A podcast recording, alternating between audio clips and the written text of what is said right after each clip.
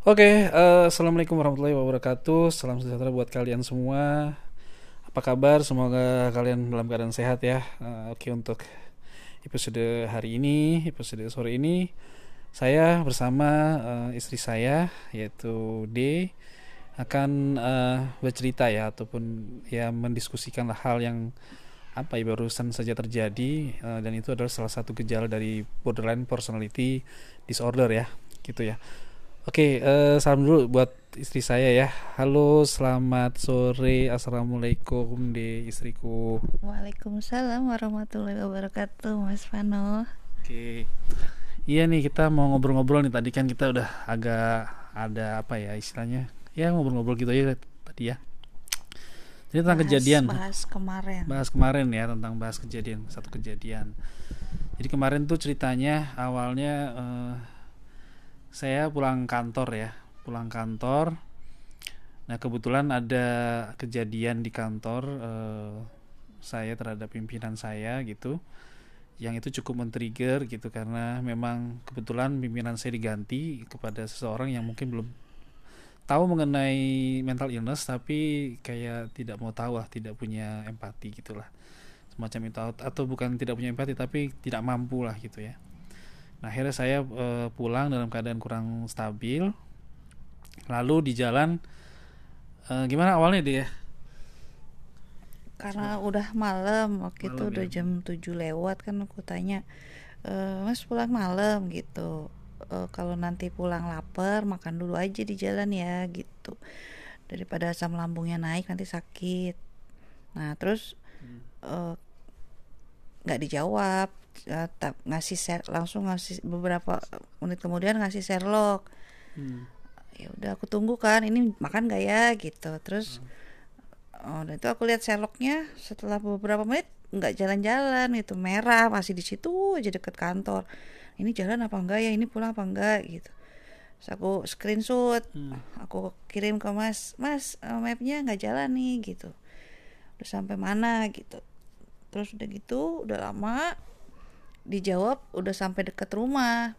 Aku eh enggak lihat mapnya lagi belum jalan terus Mas Vano WhatsApp aku. WhatsApp ya. "Eh, aku makan dulu ya gitu. Badan masih nggak enak nih nggak nyaman masih keliangan atau apa gitu. Terus oh ya Masih udah. melayang. masih kalau- melayang. Heeh.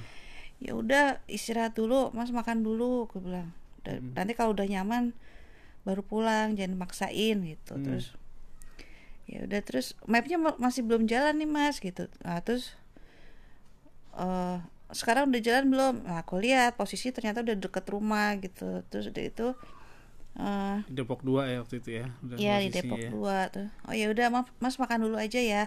Aku juga makan ya. Aku berarti aku makan dulu ya Oh mas. enggak itu diawali, diawali Hah? di, di sebelumnya. Sebelumnya kan Mas nanti kalau itu asam lambung itu loh tadi kan. Iya, udah iya ya. udah. Oh, udah ya. Iya. Itu kan udah Terus udah udah mapnya udah di Depok. Aku Ah. udah tahu di posisi di Depok 2 terus udah bilang lagi melayang. Aku bilang suruh istirahat. Terus ya udah mas makan dulu. Berarti aku makan juga ya mas gitu. Aku bilang. Ah, Nah itu kayaknya akar permasalahannya dari situ kata-kata aku itu ditangkap sama Mas Beda.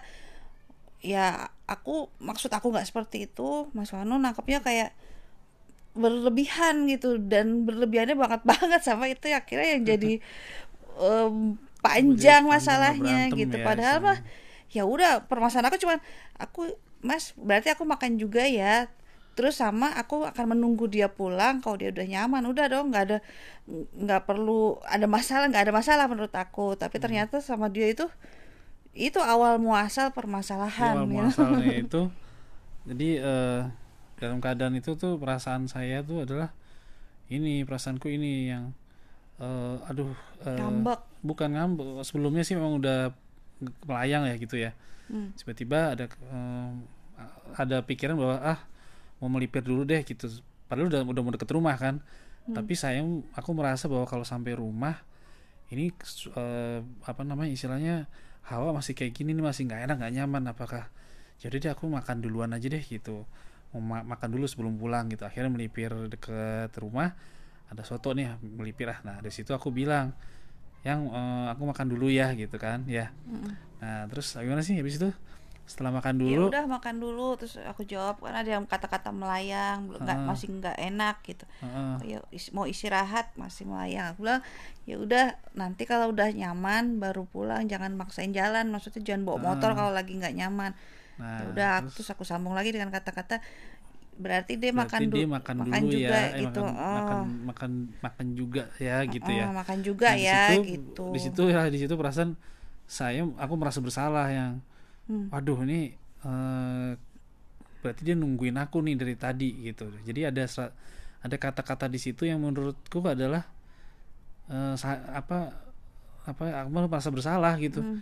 waduh nih kok jadi eh, gara-gara jadi se- se- aku ngelihatnya kamu ini Ngambek. ngambek gitu jadi nangkapnya aku ngambek Nah, nangkepnya kata-kata itu di WA, nangkepnya aku ngambek apa istri ngambek gitu. Aduh, istriku ngambek nih. Nah, di situ ada perasaan bersalah tuh yang Oh, terus tiba-tiba Mas Vano ngebalasnya dengan kata-kata eh tadi bilangnya disuruh makan. Hmm. Sekarang gimana dong? Aku udah makan, masa makanannya aku muntahin lagi gitu. nah, Aku langsung yang tadinya, loh loh, loh perasaan udah nggak ada masalah. Aku cuman ngomong eh istilahnya aku tuh cuman manja lah gitu. Ya udah aku makan dulu ya Mas gitu. Berarti kan aku makan juga gitu. heeh.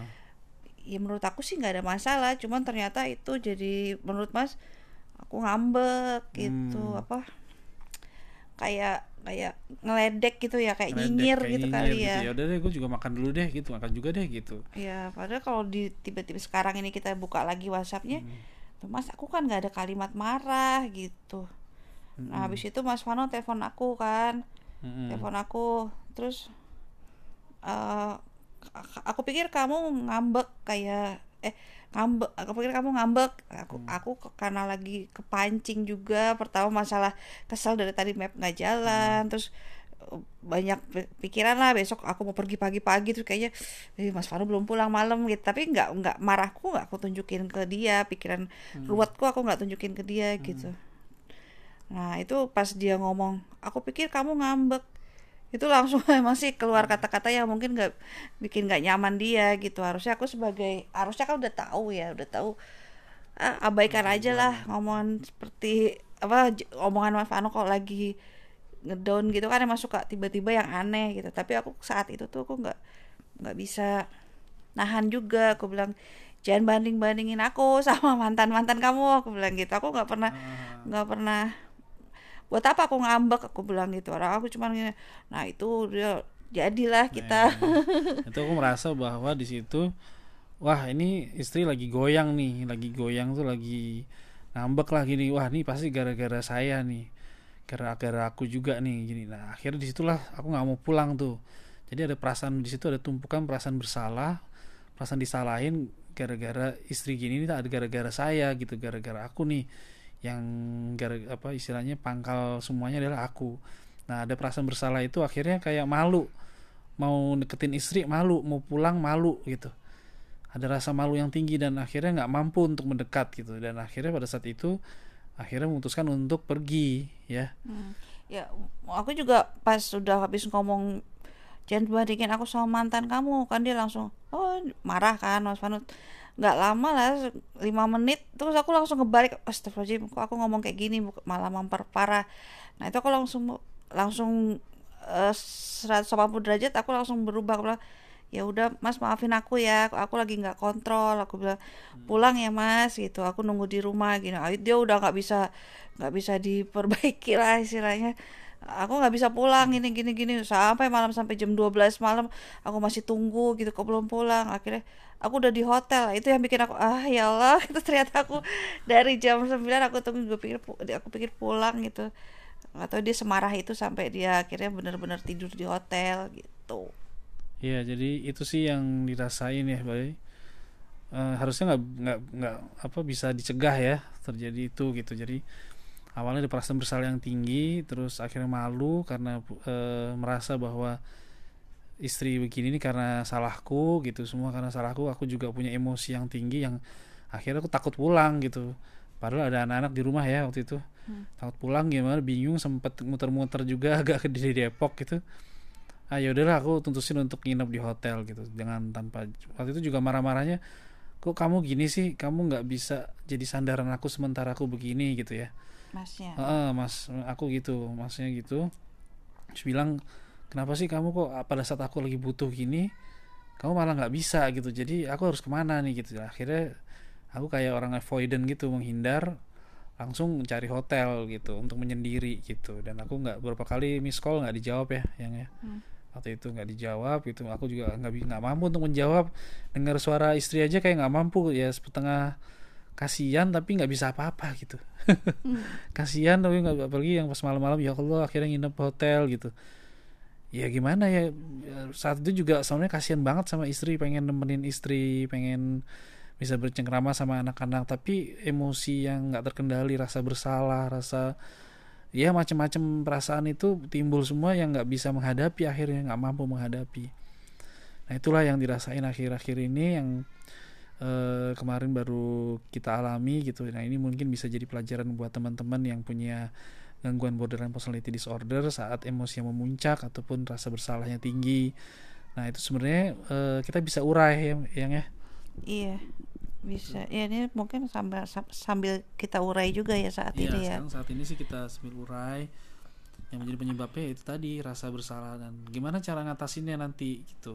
Hmm, sebenarnya sih aku punya ya pendapat aku ya kuncinya ternyata di aku gitu. Cuman balik lagi kadang aku kan manusia normal juga ya. Kadang punya perasaan lagi lagi naik lagi turun atau lagi nggak nyaman. Pasti suka kecetus kata-kata yang mungkin buat dia nggak enak gitu. Nggak selalu bisa keluar magic word gitu. Ya itu ya kalau saat aku nggak bisa mengeluar memilih kata-kata yang baik pasti biasanya terjadi hal kayak gini gitu. Tapi ya paling cuman bisa berusaha aja untuk ke depannya bisa memilih-milih kata. Iya. Ya, dari- ya itulah. ya, suka dari- dukanya caregiver mungkin ya. Ya dari akunya juga mungkin nanti ke depan juga lebih eh, bisa memanage ya. Memang pada saat itu sangat sulit banget untuk bisa pulang gitu karena pengennya pergi gitu. Nah ini mungkin yang mungkin nextnya harus bisa untuk tetap bisa pulang makan mungkin makannya lebih dilamain lagi gitu kali yang ya. Lebih Yang lamain penting tapi yang penting pulang. yang penting tetap pulang gitu. Apa pun yang terjadi kita harus mau hadepin gitu. lebih baik sih mungkin pulang gitu. Karena ya itu mungkin peng- dari pengalaman dulu. Kemarin tuh sampai sempat kebayang dulu Mas punya masalah dengan mantan tapi diselesaikan dengan cara berpisah rumah gitu. Nah aku pengennya untuk saat rumah tangga kita sekarang apa pun masalahnya nggak usah pisah rumah gitu. Kalau mau, mau tidur di depan satu di dalam satu nggak apa-apa gitu. Tapi tetap pulang di rumah yang sama. Insya Allah itu kayaknya masalah jadi lebih eh, lebih cepet cair gitu. Soalnya kalau kemarin itu aku sampai kepancing juga sih sampai kesel gitu. Eh udahlah ini udah be- keberapa kali soalnya kan sampai pas ada anak-anak udah besok pokoknya kita pergi. Aku sampai ngukut-ukutin baju gitu ah, capek gitu. Sampai sempat kepikiran kayak gitu udah ditunggu sampai akhirnya dia pergi ke hotel gitu. Aku ngapain di sini? Kenapa ada masalah? Kok bukannya diselesaikan malah pergi? Aku juga bisa pergi gitu. Nah aku mohon sih kalau bisa besok-besok apa pun yang bikin ganjelan atau apa mau marah pulang aja gitu. Eh pisah kamar atau nggak usah ngomong gitu juga nggak apa-apa gitu. Biasanya lebih lebih cepet cairnya atau akunya juga lebih cepet turunnya gitu nggak sampai. Coba kalau kemarin aku sampai aku bisa bawa mobil itu mobil isinya udah baju-baju aku udah kabur. Aku nggak balik lagi cuma karena kendalanya ini udah malam aku nggak bisa bawa mobil Iya. gitu kan ya itu terus ya mungkin banyak pikiran-pikiran positif lagi yang tiba-tiba aku lihat foto-foto foto-foto kita itu langsung aku langsung turun turun turun turun turun emosi Iya. gitu. Kemarin tuh juga sempat itu yang apa kemarin sempat ngelihat dikasih lihat lah sama ayang kan. Hmm. kasih lihat mengenai foto-foto waktu kita nikah ya kan padahal waktu itu nunjukin maksudnya bukan itu tapi begitu dikirim jadi adem gitu jadi adem bahwa oh iya aku masih punya temen gitu. Aku masih punya temen hidup dan teman hidupku ini masih mengharapkan aku juga gitu yang Hmm. perasaan aku gitu waktu itu apa teman hidupku masih berharap ini akan apa kamu bilang apa Hmm. bahwa apa pun yang terjadi Apa? itu juga sebenarnya maksudnya beda, beda ya coba apa sih coba coba gimana kalau aku kirim foto pernikahan itu aku maksudnya gini eh Mas kalau seandainya hal terburuk terjadi di hubungan kita gitu Mas inget ya ini nggak ada hal yang krusial yang yang apa yang terjadi sampai kita harus pisah. Ya udah aku cuma nunjukin. Padahal cinta maksudnya istilahnya kita niatnya kan mau bener gitu di pernikahan kita yang kesekian kali ini niatnya mau bener. Tapi ternyata cuman hal-hal sepele itu uh, bisa bikin pernikahan kita yeah. akhirnya bubar. Nah, aku tunjukin foto pernikahan itu maksud aku tuh gitu.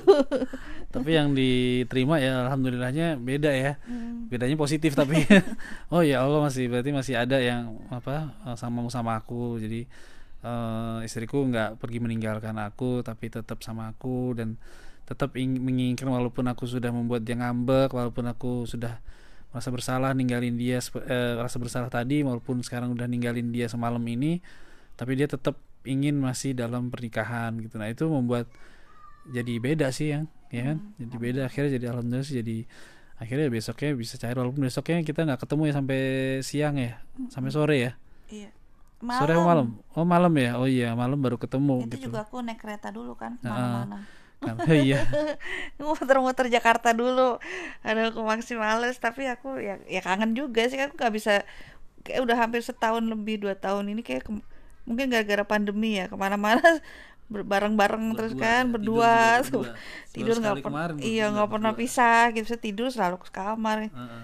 kemarin tuh kayak bener-bener aku parah tapi aku ya udah aku kangen lah gitu udah dua tahun kita bareng-bareng terus iya. setahun yeah. pandemi apalagi ini kan nggak pernah yeah. banyak kan WFH gitu. jadi merasa kehilangan juga gitu. ya itulah teman-teman kalau mungkin bisa jadi pelajaran buat kalian semua kalau ada konflik atau apa mendingan langsung dihadapin selesaikan uh, ya tapi tentunya dengan ini ya dengan kepala dingin ya. Gimana caranya dengan kepala dingin tuh macam-macam bisa nunjukin foto-foto kita yang lama gitu atau terus ya tetap pulang tetap bercengkrama tetap satu kamar mungkin ya tetap kalau misalnya hmm. memang udah suami istri gitu. Ya itulah yang apa yang kita lalui gitu. Uh, salah satu dari mungkin ini juga gejala BPD-nya yang cepat tersinggung ya gitu kan yang merasa bersalah merasa ya masa kecil trauma masa kecil itu masih ada gitu. Jadi uh, saya aku juga nggak menyalahkan teman-teman sekalian kalau memang ada masih ada seperti itu ya kita tetap berjuang bersama untuk bisa stabil pulih dan berdaya gitu. Mungkin ada pesan-pesan nggak dari ya yangku ini hmm. buat teman-teman borderline maupun border, uh, maupun teman-teman caregiver gitu. Apa ya? Nggak ada sih. Pesannya apa gitu pesan-pesannya ya jangan putus semangat buat terus berobat untuk supaya lebih stabil lebih pulih gitu. Untuk caregivernya mungkin? Untuk caregivernya ya. yang laki dan banyak sabar bukan banyak sabar ya. Ya nggak nggak nggak menutup kemungkinan seorang caregiver itu akhirnya akan jadi sakit ya. Kalau dia dipendem terus gitu ya. Mungkin seperti kata psikolog psikolog kemarin kita seorang caregiver juga mesti punya tempat curhat mungkin hmm. ke psikolog juga ya Dan jangan ke orang yang salah tapi ke psikolog atau punya me time. Hmm. me time juga ya? Me time juga. Oh ya satu eh, lagi. me time belum sih? Udah. Udah ya? Udah. Satu lagi ya mungkin sih balik-balik ke ke agama ya ke Allah gitu. Oh. itu jadi ujian aja kalau uh, untungnya mungkin kalau lebih berat kalau penyintasnya itu uh, seorang istri dibanding aku gitu. Kalau ini aku karena penyintasnya suami jadi aku cuman istri. Kalau aku udah merasa berat ya aku balik-baliknya ke ke agama aja gitu ke Allah. Jadi ya udahlah ini ladang amal aku gitu. Sampai saat itu ya Mas Fano nggak tahu Mbak Fitri. Kamu cerita. Hmm. suamiku sampai aku ganti nama jadi ladang amal aku menuju Allah. Itu sampai aku ganti namanya. Itu biar aku semangat aku masih terus mau chat. Tadi udah kesel banget gitu ya. Udahlah aku bilang ini ladang amal ini ini bekal aku gitu. Ini tempat aku meraih pahala gitu. Kalau misalnya aku keras juga kan malah nggak ada manfaatnya buat aku gitu kan. Malah bubar perkawinan malah aku dosa juga istilahnya. Jadi malu. Nah, kalau aku kemarin ya udahlah aku bertahan gitu biarin aku mm, apa sih ya, minta maaf duluan istilahnya. Aku oh iya walaupun masih gondok gitu cuma "Eh, ini ini jadi pahala buat aku jadi bekal buat aku. Gitu. Kalau ya itu yang itu laki sih agak sulit kali ya yang ya kalau buat yang Iya, karena penyintasnya eh penyintasnya- caregivernya laki iya. eh iya caregivernya laki ya caregiver perempuan laki ya. ya salut banget banget buat teman-teman caregiver yang eh, pria ya kayak Mas Nodaf gitu. Itu jempol banget ya berarti dia penyabar. Maksudnya kalau laki-laki itu kan identik dengan harga diri yang tinggi gitu ya. Sekarang kalau penyintasnya perem- perempuan kalau nggak bukan penyintas saja kan agak ribet gitu kan. Perempuan itu baperan perasaan atau apa nah sekarang kalau dia penyintas itu kan dua kali lipat gitu. Kalau nggak suaminya bener-bener harus sabar banget ya susah. Iya ya oke oke. Oke guys eh, teman-teman sekalian mungkin itu ya eh, sharing dari kita untuk kali ini. Entah ini apa kasih judul apa ya enaknya? Oh, apa ya? Hah? ada sharing cerita-cerita aja. cerita cerita caregiver dan penyintas lah gitu ya tentang keseharian dalam rumah tangga dalam rumah tangga oke okay. itu aja mungkin guys uh, sampai jumpa lagi di podcast kita berikutnya kita ucapin semoga sehat selalu Amin. stabil pulih dan berdaya iya. wassalamualaikum warahmatullahi, warahmatullahi wabarakatuh, wabarakatuh.